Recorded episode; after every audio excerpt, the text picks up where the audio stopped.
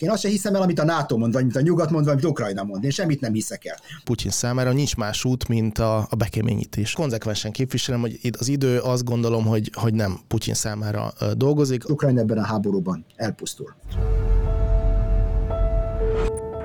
Nagyon nagy tisztelettel és szeretettel köszöntöm a Mandiner nézőit és hallgatóit, illetve a Hírefem hallgatóit.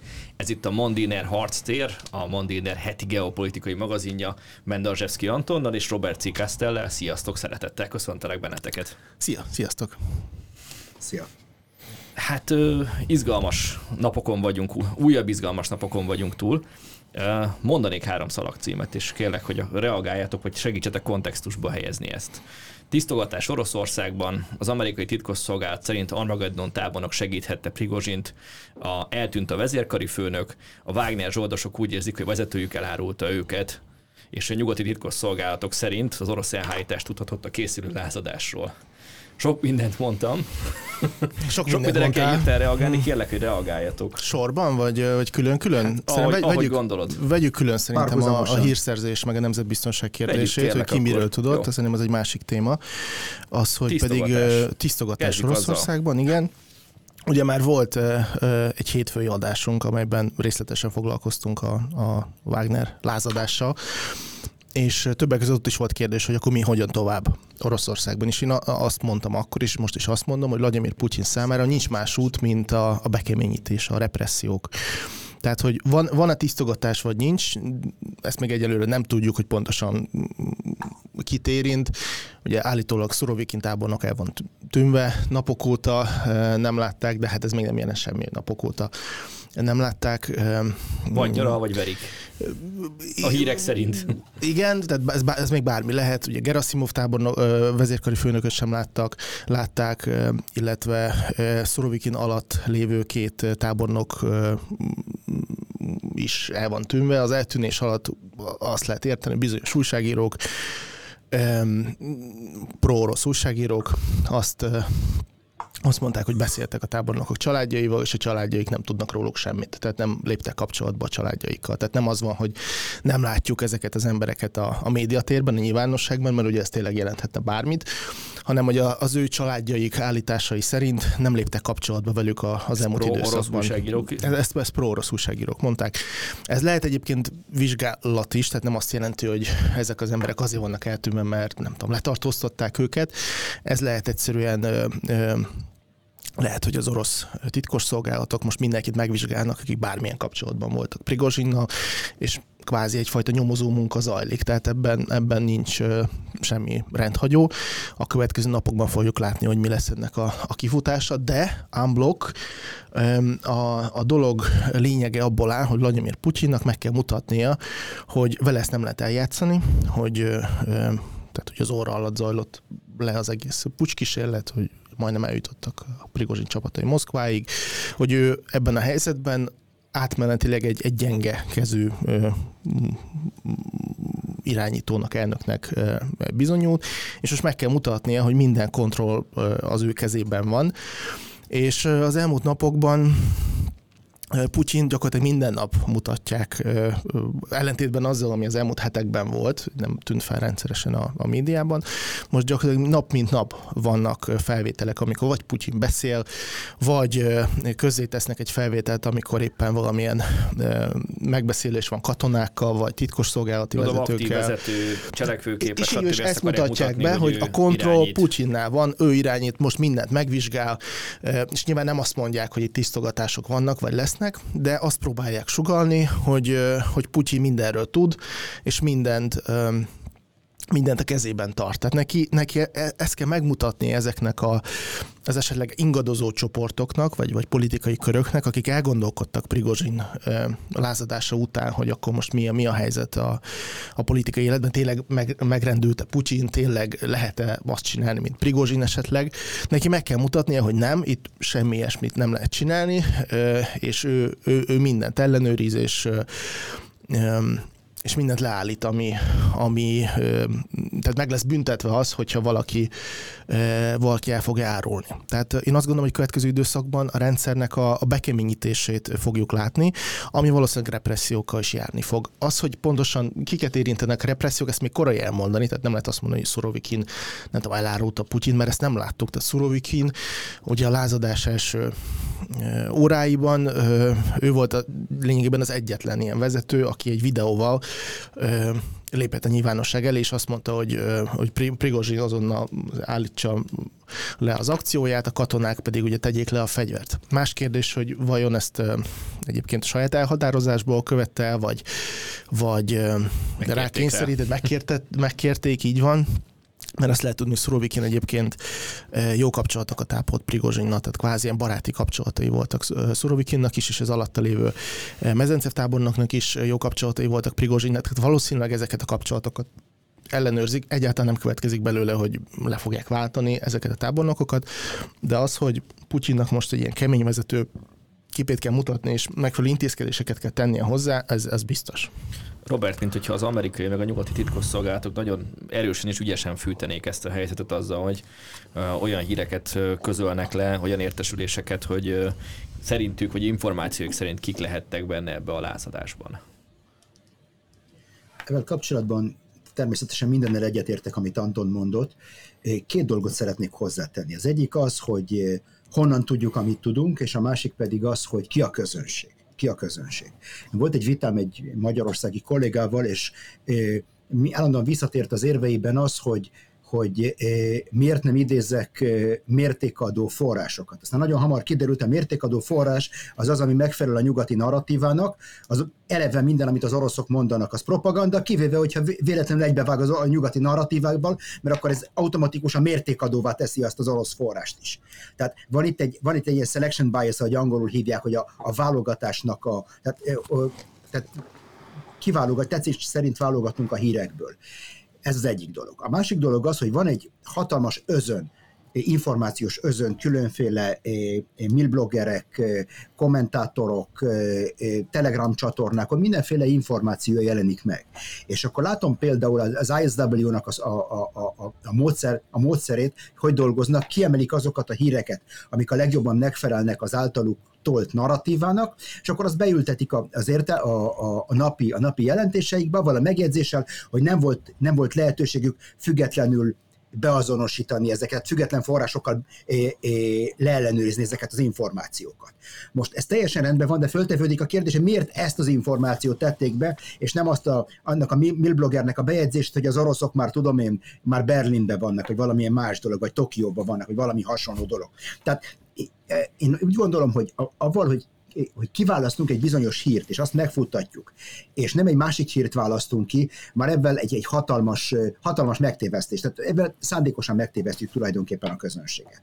Tehát én azt hiszem, hogy nagyon óvatosak kell lennünk minden olyan híreszteléssel, ami, ami szárnyra kap, mert, mert nyilvánvaló ez valamilyen agendát szolgál. Tehát nyilvánvaló, hogy ez egy információs hadviselésnek a része, és ezért én mindig azt szoktam mondani, hogy a különbség köztem mondjuk meg, a, meg azokkal, azok között, akik, akik, akikkel vitatkozni szoktam Magyarországon, hogy ők nem hiszik el, amit az oroszok mondanak. Én azt sem hiszem el, amit a NATO mond, vagy amit a nyugat mond, vagy amit Ukrajna mond. Én semmit nem hiszek el. Mondjuk ennyi előnyem van velük szemben. És legyünk igen szkeptikusok ezekkel a dolgokkal kapcsolatban. Ez az egyik dolog. A másik dolog az, hogy ki a közönség kinek, kinek próbálják ezeket az információkat eladni mondjuk. Látjuk azt, hogy Oroszországban az orosz rendszer, az orosz rezsim mennyire, mennyire uralja az információs teret, és mennyire defenzív az orosz információs hadviselés, ameddig a nyugati meg az ukrán információs hadviselés kifelé fordul, tehát próbálják a, a külső közönségeket meggyőzni. Oroszország, az Oroszországnak az információs hadviselése inkább a saját propagandáját próbálja megvédeni. Tehát én nem hiszem, hogy, hogy a, a, a, az orosz eseményekre próbálnak befolyást gyakorolni az orosz közvéleményre, inkább mondjuk, hogy a nyugatot próbálják bátorítani ezekkel a hírekkel. És én azt mondom, hogy szerintem várjunk ezekkel, a, ezekkel a, az ítéletekkel, ameddig valamilyen konkrét információt nem kapunk. Ami pedig a tábornokok eltűnését illeti, ezt is szeretném kontextusba helyezni. Ez, a, ez az eltűnő tábornokoknak a háborúja. Láttuk Zaluzsnit eltűnni elég, elég hosszú időre, Budanovot láttuk eltűnni elég hosszú időre, nem tudjuk pontosan, hogy miért. Ott is voltak mindenféle álhírek, amiket talán nem az ISW Kreml közölt le, de olvastuk őket a Telegram csatornákon, hogy mi, mi, mi történt tulajdonképpen Zaluzsnival, hogy került az az információ a Zaluzsninak a pozíciójáról az oroszokhoz. Tehát rengeteg álhír van, rengeteg dezinformáció van mind a két oldal részéről, legyünk ebben nagyon óvatosak. Ami az általános dolgokat illeti, úgy gondolom, hogy Anton tökéletesen leírta a helyzetet, a rendszernek be kell keményítenie mindenképpen, és ezt fogjuk látni. Hova sorolnátok azt a megállapítást, ami a CNN értesülésű, hogy a nyugat akadályozta meg, hogy az ukránok Oroszországra támadjanak a Wagner lázadás alatt? Nem látom alapját ennek a, ennek a hírnek. Egyszerűen ha azt feltételezzük, hogy Prigozsin nem az ukrán külső hírszerzésnek az embere, nem a, nem tudom, a gúrnak az embere, és azt gondolom, Nehéz hogy... elképzelni. Én azt gondolom, hogy, nem, tehát, hogy nem. Tehát, hogy ilyen, vagy ilyen, nagyon profin játszott. Vagy, vagy, nagyon, vagy nagyon profin mutatta magát az elmúlt két évtizedben, vagy másfél évtizedben. Tehát ha azt mondjuk, hogy ez, a, ez az axioma, ez az alapállítás, akkor az gondolom, hogy az ukránok nem, fel, nem voltak felkészülve erre a lázadásra, vagy ha esetleg a nyugati hírszerzés adott is nekik valamilyen tippeket, vagy, vagy valamilyen módon tudtak arról, hogy valami készülődik, ennek a pontos idejét, napját ők, ők nem tudták előre. Tehát látszólag őket is abszolút meglepetése érte, hát nem tudom, hogy lázadás ténye-e, de az időzítés mindenképpen, hogy ez, ez ekkor történt meg, és nem, tud, nem tudták kihasználni. Tehát nem arról van szó, hogy szándékosan. Ezek olyan hírek, mint, vagy olyan feltételezések, mint hogy Oroszországnak félkézzel harcolnak körülbelül. Most ugyanez, hogy Ukrajna, Ukrajnát visszatartották attól, hogy kiaknázza azt a helyzetet, és, és a lázadás alatt vagy ukrán területen, vagy akár orosz területen lendüljön akciókba. Egyszerűen nem Utólag volt idejük. magyarázzuk azt, vagy magyarázzák azt, hogy... Hogy miért nem léptek. Miért nem léptek. Egyszerűen nem volt ide. 20, kevesebb, mint 24 óra alatt lejátszódott az egész pucs kísérlet. Egy, erre, erre nem volt meg a kész szenárió, nem, nem tudtak érni a lehetőséggel, hogyha a pucs elhúzódik, akár harcokra kerül sor orosz katonák, vagy orosz gvardja és Prigozsin csapatai között, akkor erre már lett volna lehetősége kiaknázni ezt a fajta káoszt, a, harcok, az összecsapások miatti káoszt, azt valószínűleg ki tudták volna aknázni a, fronton, hiszen ez a, az ott harcoló, a fronton harcoló orosz katonák moráljára is erősen, erős hatással van. De így, hogy nem kerül sor effektíve összecsapásokra, tehát lényegében békésen megoldódott a konfliktus, és a konfliktusnak a kiterjedése nem tartott tovább, mint 24 óra, nem volt lehetőség élni ezzel a, a Prigozsin által adott lehetőséggel, nem tudták kiaknázni ezt a helyzetet. Tehát itt inkább az időbeli faktor volt fontos, nem az, hogy nem tudom, rájuk szóltak, hogy ennyi benye, inkább kövessük az eseményeket, hát ha megbukik Putyin rendszere, és akkor nem is kell egyébként semmilyen um, semmilyen katonai akciókat tenni. Tehát én az, azt gondolom, hogy egyszerűen a, meglepetés ereje és, a, és az időbeli faktor volt az, amely megakadályozta a, a, az ukrán vezetést, hogy, hogy kiaknázza ezt a helyzetet.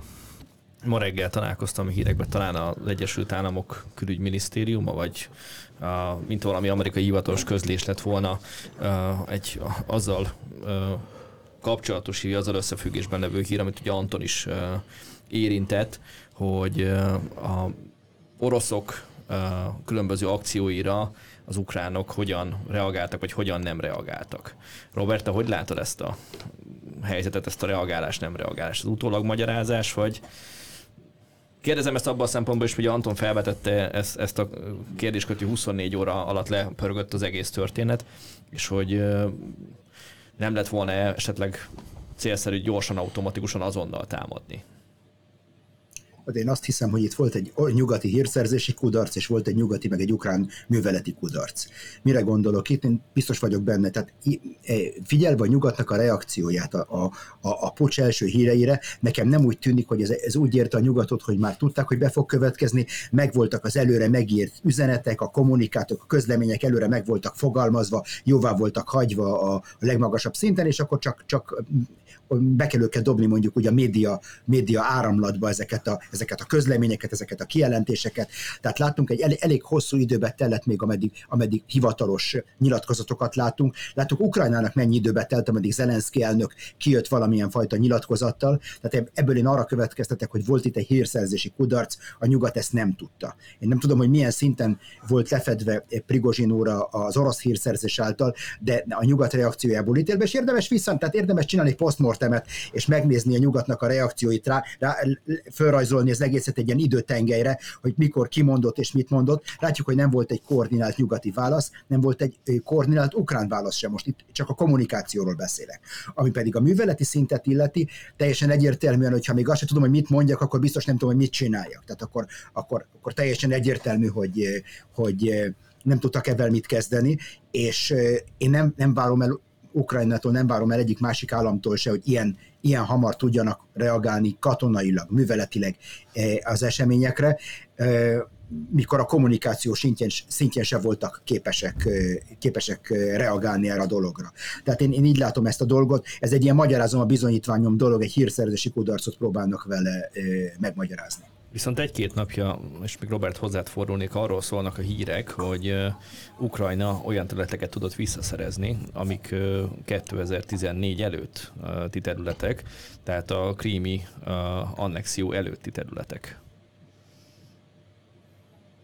Én erről nem tudok, tehát fogalmam nincs, milyen területeket foglaltak vissza. Láttam, hogy Ukrajna elfoglalt néhány, néhány tucat négyzetkilométernyi területet az ellentámadás megkezdése óta. Én azt hiszem, hogy minden játékban van tulajdonképpen. Teljesen mellékes, hogy mikor foglalták el ezeket a területeket. Én most nem tudom, hogy ez a cikk mire gondol.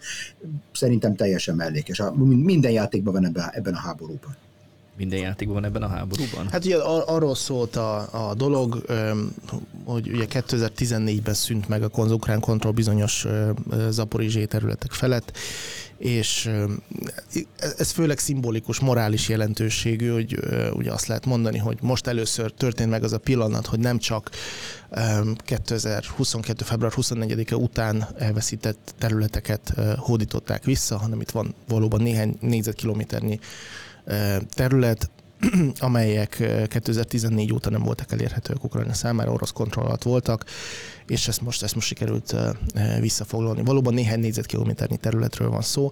Nincs, katonailag nincs jelentősége, inkább a, a szimbolikájában van, van fontossága. Ugye az ukránok számára ez ugye az ukrán médiában mindenhol lejött a hír, tehát számukra a nemzeti, nemzeti építés, a nemzeti konszolidáció szempontjából ez egy fontos, mert azt lehet mondani, hogy az ukrán haderő is mondhatja, hogy, hogy itt olyan sikerek vannak, amelyek előre mutatóak, és ugye vissza fogják foglalni egyébként minden minden korábban elveszített területet is, nem csak a, a 2022 után elveszített területeket. Ez már a végkezdete Putyin számára? Kérdezem ezt azért, mert a Foreign Affairs hozott egy írást a napokban, talán tegnapi nap, aminek ez volt a szellemisége. Most katonai értelemben mondod, vagy, vagy a Prigozsin pucs utáni hát a, politikai A mostani pucs? összességében a helyzet, tehát elsősorban a, a politikai része, de nyilván katonailag is látszik, hogy mintha visszaszorulóban lennének az oroszok. Hát katonailag én konzekvensen majd látom már magam előtt a YouTube videón, a poszt alatt a kommentelők majd jól beszólnak, mindegy. Én ezt konzekvensen képviselem, hogy itt az idő azt gondolom, hogy, hogy nem Putyin számára dolgozik. Az, a, a, a háború első két-három hónapja után bebizonyosodott, hogy a céljukat nem fogják elérni. Persze Ukrajna is egyértelműen vesztesen kerül, kerül ki ebből a konfliktusból, Oroszország is vesztesen kerül ki ebből a konfliktusból, de, de az idő, én azt gondolom, hogy ha megmarad a nyugati segítség, az idő Ukrajnának dolgozik, és gyakorlatilag egy éve nincsenek komoly orosz eredmények a fronton. Most Bakmutat tíz hónapnyi harcok után 60 négyzetkilométernyi területet sikerült hozzácsatolni, vagy, vagy, vagy, vagy, vagy megszerezni. Én ezt nem gondolom komoly sikernek. Minden esetre katonailag én azt gondolom, hogy Oroszország nem nyerheti meg ezt a, ezt a konfliktust, és ugyanakkor nem is tudnak kiszállni belőle. Tehát ez egy ilyen, kvázi egy ilyen zsákutca, egy, egy politikai padhelyzet, mert ugye Putyin számára a gyengesség jele, a vereség jele, hogyha ő, ő, ő kiszáll ebből a konfliktusból, úgy, hogy, hogy elveszítik az eddigi eredményeket.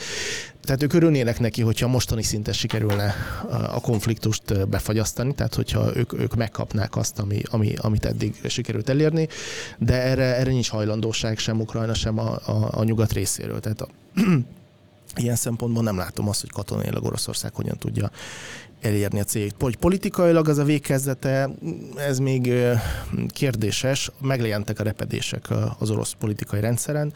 Én azt gondolom, hogy az nagyon fontos és negatív a rendszer szempontjából, hogy az egész most már nyilvános szintre terelődött. Tehát ne, nem, az orosz propaganda nem tudta, az orosz média, az orosz információs hadviselés nem tudta leplezni a, a belső konfliktust Prigozsin és az orosz védelmi minisztérium és különböző szervek között. Az orosz lakosság egészen követhette végig gyakorlatilag élőben a szombat folyamán, hogy mi történik Oroszországban. De nem nagyon volt más választás, mint követni az eseményeket, nem? Nem azt mondom, hogy nem, nem arról van szó, hogy akkor minden, mint, mint ugye a különleges katonai művelet, a háború, hogy ez valahol messze, távol zajlik. Ha, ha vannak kudarcok, akkor azokat, azokról nem beszélünk, ha vannak sikerek, akkor nyilván azt felnagyítjuk, de, de a, a, tehát ott van egy olyan része a, a, az orosz médiának, vagy a, dolgozik ugye az orosz cenzúra, ugye a lakosság nem látja a teljes képet, de mondjuk ebben az esetben a feszültségek, a politikai repedések a különböző politikai csoportok között nyilvánvalóvá váltak. Hát, a, Bocsánat, az orosz... elkezdtek volna természetfilmeket vetíteni a tévében, akkor azért az átlag orosz állampolgár gondolom a különböző internetes felületeken, még ha kontrollált is, de csak eljutott volna ahhoz az információhoz, hogy gyerekek, itt van, ami történik. Én azt gondolom, hogy ezt nem tudták volna megjátszani, hogy természetfilmeket vetítenek, vagy nem tudom, balettet, a hatjuk tavát vetítik le, vagy valami. Egyszerűen azért, mert Putyin számára is fontos volt, hogy nyilvánosság elé lépjen, és megakadályozza a pucs kísérletnek a, a kiterjedését, és az, hogy esetleg mások beálljanak ugye Prigozsin mellé. Tehát azért történt meg, hogy az orosz televízióban gyakorlatilag minden csatornán levetítették Vladimir Putyinnak a szombat reggeli beszédét, amiben hogy egyértelműen megmondta, hogy itt áruló közelednek Moszkva felé, meg kell védeni magunkat, hátba támadták Oroszországot.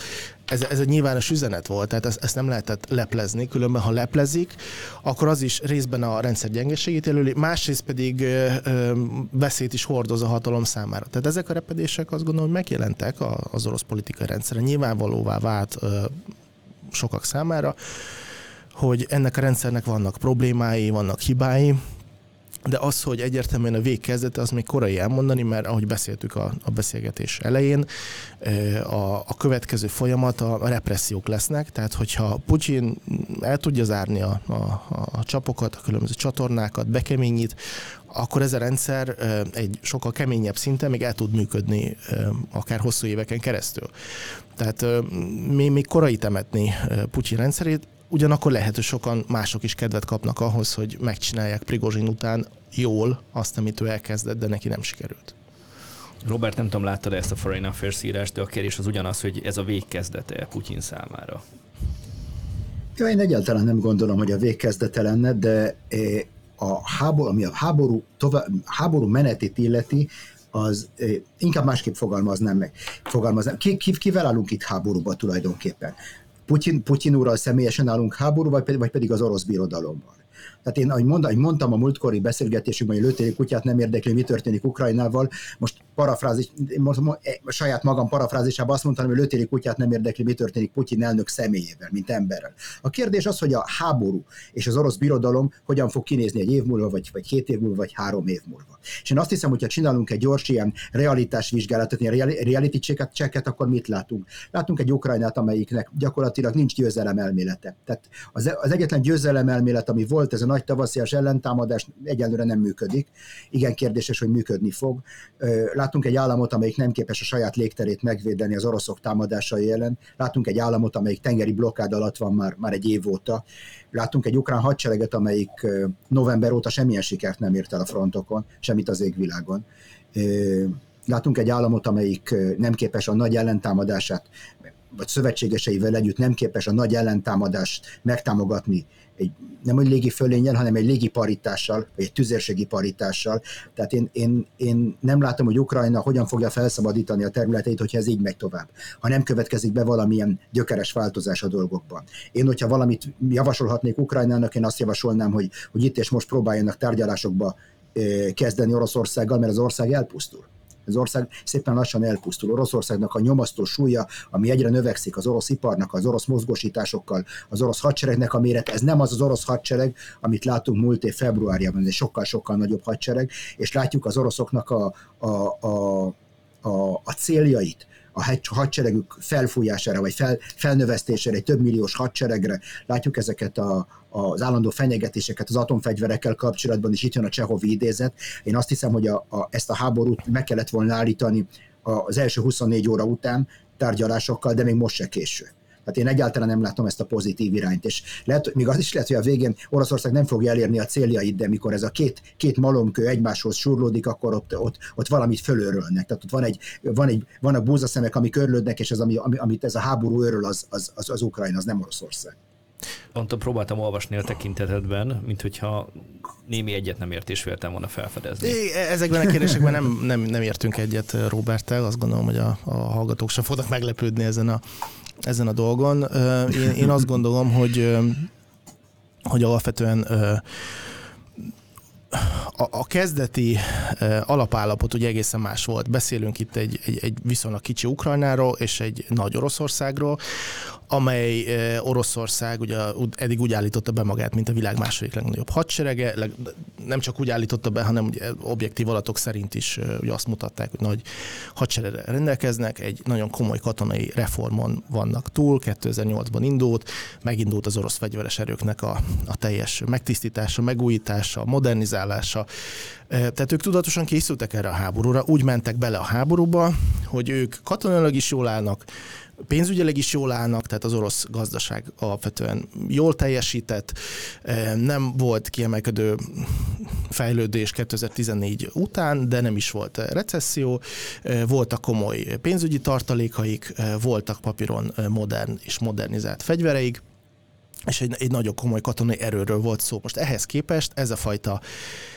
orosz előny, amivel Oroszország rendelkezett, és az előny az a, a flottában érvényesült, a, a légierőben, a tüzérségben, tehát nagyon sok téren ér, úgy tűnt, hogy a hírszerzésben is, a fegyverek tekintetében, a felszereltség tekintetében ez az előny az elmúlt egy-másfél évben elillant és az emberi erő tekintetében is előnyben voltak. Tehát itt papíron egy, egy durván egymilliós orosz hadseregről beszéltünk, és egy ennél sokkal kisebb, 300-400 ezer fős ukrán hadseregről beszéltünk. Most leegyszerűsítve mondom, mert nyilván ezekben a számokban is, orosz hadseregben is van egy administratív rész is, de, de, de hogy a, a számok tekintetében nagyjából ez volt az erőviszony. Ehhez képest a Ukrajna az elmúlt egy évben lényegében a, a korábbi, főleg szovjet típusú fegyverzetét sokkal modernebb nyugati típusú fegyverekre tudta cserélni.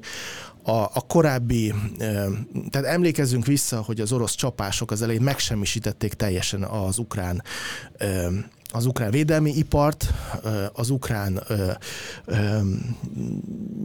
kőolajfeldolgozást, a különböző stratégiai ágazatokat, és ezzel ellen az ukrán légvédelem nem tudott mit tenni. Egyszerűen meglepetésként érte őket, annak ellenére, hogy egyébként előtte hónapokon keresztül beszéltek róla, nem, nem tudott mit felmutatni, ezzel olyan nagy lehengerlő volt az orosz fölény ezen a téren. Ezzel szemben most úgy néz ki, hogy a, az emberi erő tekintetében nagyjából paritásban van a két fél, tehát a, a fronton harcoló erők nagyjából azonosak. A légvédelem tekintetében a nyugati segítséggel Ukrajna egy olyan ernyőt tudott kialakítani, amivel a, a, a, az Ukrajna felé indított rakétáknak a nagy részét ők semlegesíteni, nem mindent, de hát nincs százszázalékos védelem, főleg úgy, hogy rendszeresen vannak támadások. A, a, és ugye a, a látszik, hogy orosz repülők nem tudnak berepülni ukrán hátországban, nem tudnak ukrán légtérben, Ukrajna által kontrollált légtérben támadásokat intézni. A fronton, a fronton igen, ahol orosz kontroll van, az más helyzet, de Ukrajna meg tudta védeni ilyen szempontból magát, fokozatosan helyreállítja, helyreépíti a korábbi kapacitásaikat, a hadseregét helyre tudta állítani, sőt, hogyha megnézzük most a számok tekintetében ugye az Ukrajna által elérhető páncélozott harci járműveket, harckocsikat, akkor nem állnak rosszabbul, mint háború előtt, miközben Oroszországnak az egyik célja, ugye Ukrajna demilitarizálása volt, az ukrán katonai potenciálnak a teljes leépítése. Ezzel szemben, ha a számokat nézzük, akkor Ukrajnának egyedül ugye légierőben ott, ott ugye nem volt nyugati támogatás, az ukrán légierőnek egy része elpusztult, abban, abban mondjuk nincs fejlődés, de minden más számok tekintetében. Zelenszky most jelentette be azt, hogy minden fegyvert Ukrajna területén belül akarnak gyártani, és hogy teljes mértékben önállátásra törekszenek úgy drónok tekintetében, mint minden más eszköz, ha jól követtem és jól értettem a nyilatkozatát. Hát, hogyha... az egy politikai nyilatkozat volt, és nyilván nem holnapra lesz ez így. Hát, hogyha az ukrán légvédelmi kapacitások tovább javulnak, és meg tudják védeni ezeket az objektumokat, akkor alapvetően ezeknek van realitása. Az ukrán védelmi ipar egyébként is jól lát a háború előtt is. Ők egy exportáló ország voltak, ha jól láttam a, a 2021-es statisztikákat, akkor valahol 11-12. hely környékén voltak világszinten a, a katonai exportban. Főleg egyébként korábbi szovjet fegyvereket modernizálták, újabb felszerelésekkel látták el, és ezeket a, a fegyvereket exportálták, de voltak saját ukrán fejlesztések is. Voltak együttműködések különböző országokkal, többek között Németországgal is voltak együttműködéseik a háború előtt. Pont Tehát ezt, ezt akartam a... kérdezni egyébként, és elsőbb Roberthez fordulva, hogy ez külső segítséggel, vagy külső aktivitással érhető el, nem? Ez a kitűzött cél, hogy önállátó legyen, saját területén belül állítsa elő Ukrajna a fegyvereket? Ez, ez teljesen egyértelmű, és ne felejtsük el, hogy én legtöbb dologban egyetértek a tényekben, amit Anton mond, csak egyetlen egy probléma van, hogy Oroszország nem a saját, el, a, saját a, a tőlük elvárt ideál ellen harcol, hanem Ukrajna ellen egy és én vagyok az első, aki, elismer, aki elismeri az orosz hadseregnek az inkompetenciáját és a, a hatékonyságának a hiányát, ez, ez mind igaz. Háborúban nem kell tökéletes legyen, egy kicsivel kell jobb legyen, mint a másik, és ennyi az egész. És én azt hiszem, hogy itt olyan előnyei vannak Oroszországnak, amik, amik hosszú távon egyszerűen Ukrajna, se, se, se, Ukrajna, se nyugat nem tud ezekkel hosszú távon konkurálni. Látjuk azt, hogy mennyivel kevesebb hadianyagot kapott Ukrajna 2023-ban, mint 2022-ben, és a raktárak kiürülnek. Hogyha oda jutottunk, hogy európai államok Izraeltől kell tankokat vegyenek, hogy át tudjanak adni tankokat Ukrajnának, akkor, akkor ez, arra, hogy mondani szokás, ez már a vég, mondjuk úgy, látva az Európai Uniónak az Izrael politikáját, és ne felejtsük el, hogy Ukrajnának a lakossága, nem akarok százalék arányokat mondani, de talán 15 százalék menekülté vált, már nincsenek Ukrajnában, az ukrán gazdaság, a hadipar elpusztult, teljesen az energiaipar elpusztult, és gyakorlatilag Ukrajna hetek alatt összeomlik, hogyha a nyugati támogatást nem meg, nyugati támogatást megállítják bizonyos, bizonyos szinten. Tehát ilyen fenyegetést, orosz, ilyen dolgok Oroszországot nem fenyegetik. Hát én azt hiszem, hogy kényszersorozást még nem látunk Oroszországban, Ukrajnában látjuk, hogy már a bödönnek az alját kaparják. Hát én, én, én azt, ezért, ezért gondolom azt, hogy, hogy a, én nem látok, nem látok semmilyen optimista kimenetelt ebbe a háborúban Ukrajna számára, ezért gondolom azt, hogy a legjobb lenne, hogyha itt és most lezárnák ezt az egészet, és valamilyen e, tűzszüneti egyezményt kötnének egy ukrán semlegesség alapján, mert e, teljesen mindegy, hogy kiül a Kremlben. Nem fogunk olyan orosz vezetőt találni, aki el fogja azt fogadni, hogy Ukrajnából NATO állam legyen, és hogy NATO csapatok állomásozzanak a, a, a, a Nyepperen. Mi a különbség e között és a, a második világháború e, fenyegetése között Oroszország számára? Semmi. Az oroszok ezt pont úgy látják ezt a dolgot, a nagy honvédő háborút, és ne felejtsük el, hogy van egy nagy szimbolikája annak, hogy kit neveztek ki a, a frontparancsnoknak, Gerasimovot. Utoljára az orosz történelemben olyan eset, hogy a hadsereg, a hadsereg tábornok legyen a, a hadsereg főparancsnoka legyen a frontparancsnok is, ez csak a második világháborúban volt, a nagy honvédő háborújuk alatt. Az oroszok számára az egyre inkább e felé a, a, a felállás felé közeledik, és én ezért gondolom azt, hogy teljesen mellékes, hogy ki fogja kanalazni a krumpli levest a, a Kremlben, hogy Prigozsin úr, vagy Putyin úr, vagy valaki más. Egyik orosz vezető se fog beletörődni abba, hogy Ukrajnából NATO állam legyen, és hogy nyugati csapatok állomásozzanak a Dniepperen. Teljesen mellékes, hogy erről mi, mi, mi erről mit gondolunk, ők így látják ezt a helyzetet. És Ukrajna ebben a háborúban elpusztul. Bocsánat, még, még néhány szempontot uh, kiegészítve, amit, amit Robert Annyira mondott. Annyira hogy röviden, mert még nagy, van egy pár kérdés, amit szeretnék föltenni. Csak rövid, megpróbálok rövid lenni. Uh, én, én tovább, tehát a, az, hogy az idő Ukrajnának dolgozik, ezt pont abban is látom, hogy Oroszország számára az eredményeknek a, a hiánya az alapvetően a, a, a megítélés kérd, tehát a megítélés megváltozásának a kérdése is. Az, hogy az orosz lakosság hogyan vélekedik a háborúról, és orosz vezetők egyébként hogyan, abban egyetértek Robert, hogy valóban, hogyha mondjuk tavaly nyáron beszélgetünk erről, és azt mondjuk, hogy valaki más jön Putyin helyére, akkor ugyanezt teszi-e, akkor valószínűleg a kérdés az lett volna, hogy hogy igen, tehát az orosz politikai elitek hasonlóan gondolkodtak, hasonló birodalmi gondolkodásban élnek, hasonlóan vélekedtek a Szovjetunió összeomlásáról és annak következményeiről, és hogy az egészet vissza kell csinálni.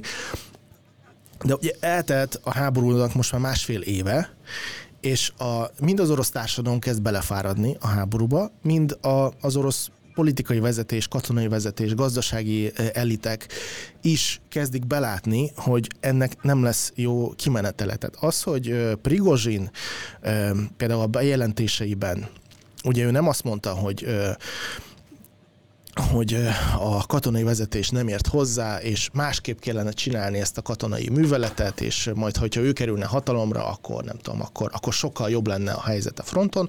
Ő azt mondta, hogy hazudtak nekik a, a, a háborút illetően, ennek a háborúnak Oroszország nem nyerheti meg ezt a háborút, ezt mondta szó szerint. És, és, hogy, és hogy azt nem mondta, hogy hogyan kell megegyezni, meg hogyan kell megállítani, de a mondandójának a lényege az volt, hogy most már elég a háborúból. Ez volt az egyik és ebben nagyon sok támogatója van Prigozsinnak. Tehát annak ellenére, hogy a politikai elitek birodalmi gondolkodásban élnek Oroszországban, a háború jelenlegi állásáról alapvetően nagyon sokan egyetértenek Prigozsinnal, hogy ez egy, ez egy zsákutca, ami, ami most zajlik. És az orosz lakosság körében is, hogyha megnézzük a, a, a hónapról hónapra készített felméréseket, hogy van egy általános kérdés, hogy támogatják a háborút, a különleges katonai műveletet, akkor ott valóban a többség azt mondja, hogy ó, igen, támogatják, nem tudom, éppen 60, 60 valahány százalék. De ha már súlyozzák a kérdést, és úgy teszik fel, hogy mit kellene tenni most azonnal a, fronton, nem tudom, mobilizáció, vagy nem tudom, hadigazdaság, vagy még több erő átcsoportosítása, vagy azonnali béke, akkor tavaly nyáron a közel 60% az orosz lakosságnak azt mondta, hogy, hogy minden jó irányba halad, hogy még több segítséget kell megadni az orosz hadseregnek. És most pedig már a, a, a lakosságnak több mint a fele, valahol 52-54 százalék körül van, azt mondja, hogy béke kell.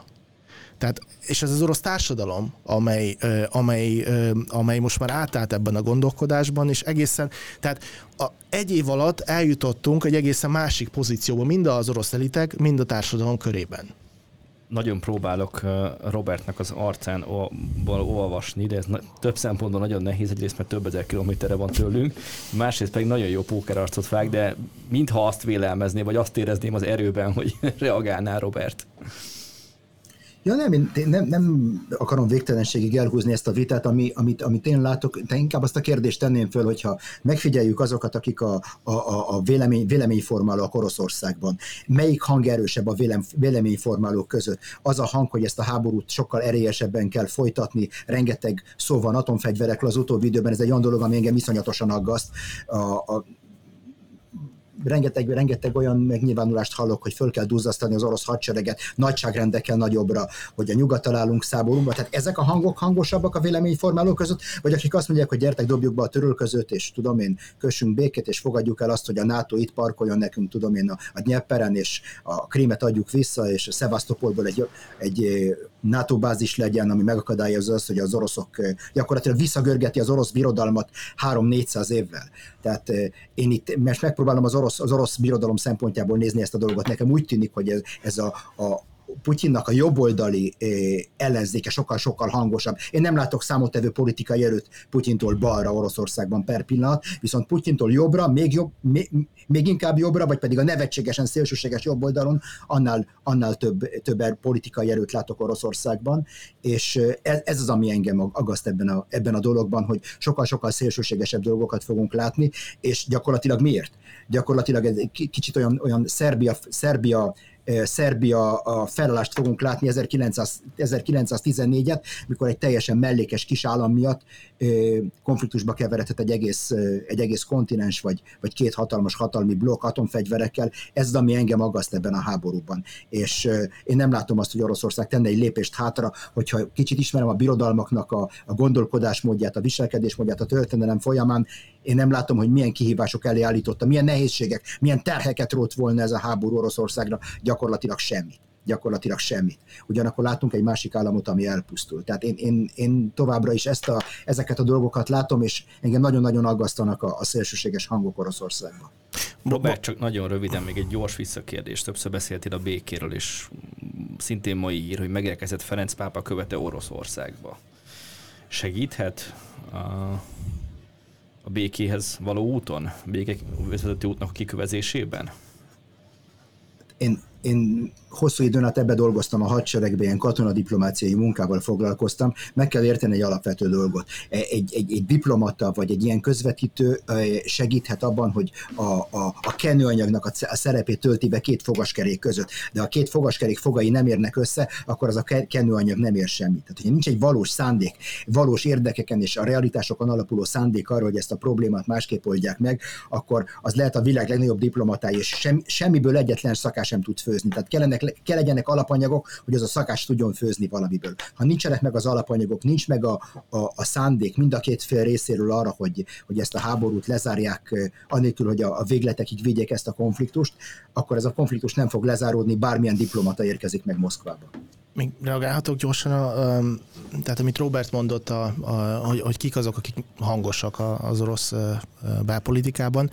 Tehát jelenleg, hogy mondjam, Putyintól balra nem létezik semmi a nyilvános szférában, mert ugye nem lehet. Amikor valaki kimegy egy plakát, amire annyira van ráírva, hogy béke, és 15 napra letartóztatják vizsgálati fogságba, vagy bármit mond az orosz hadseregről, negatív értelemben akkor ugye akár 15 év börtönt kaphat ez azért nem segíti azt, hogy a békéről szóló hangok legyenek Oroszországban a nyilvános térben. Tehát most jelenleg csak jobbról, tehát még patriótikusabban lehet a háborút bírálni. Ha, tehát ha bá, létezik bármiféle nyilvános kritika, akkor csak ez a megengedett. Tehát csak az a megengedett, hogy nem elég kemények? A, a háború, a háború oké, okay, de legyünk még keményebbek. Igen, mert egyszerűen a, a, a másik oldal most fel van számolva represszív eszközökkel, tehát nem, nem lehet, tehát nincs egy olyan politikus, aki, aki ezt felvállalná.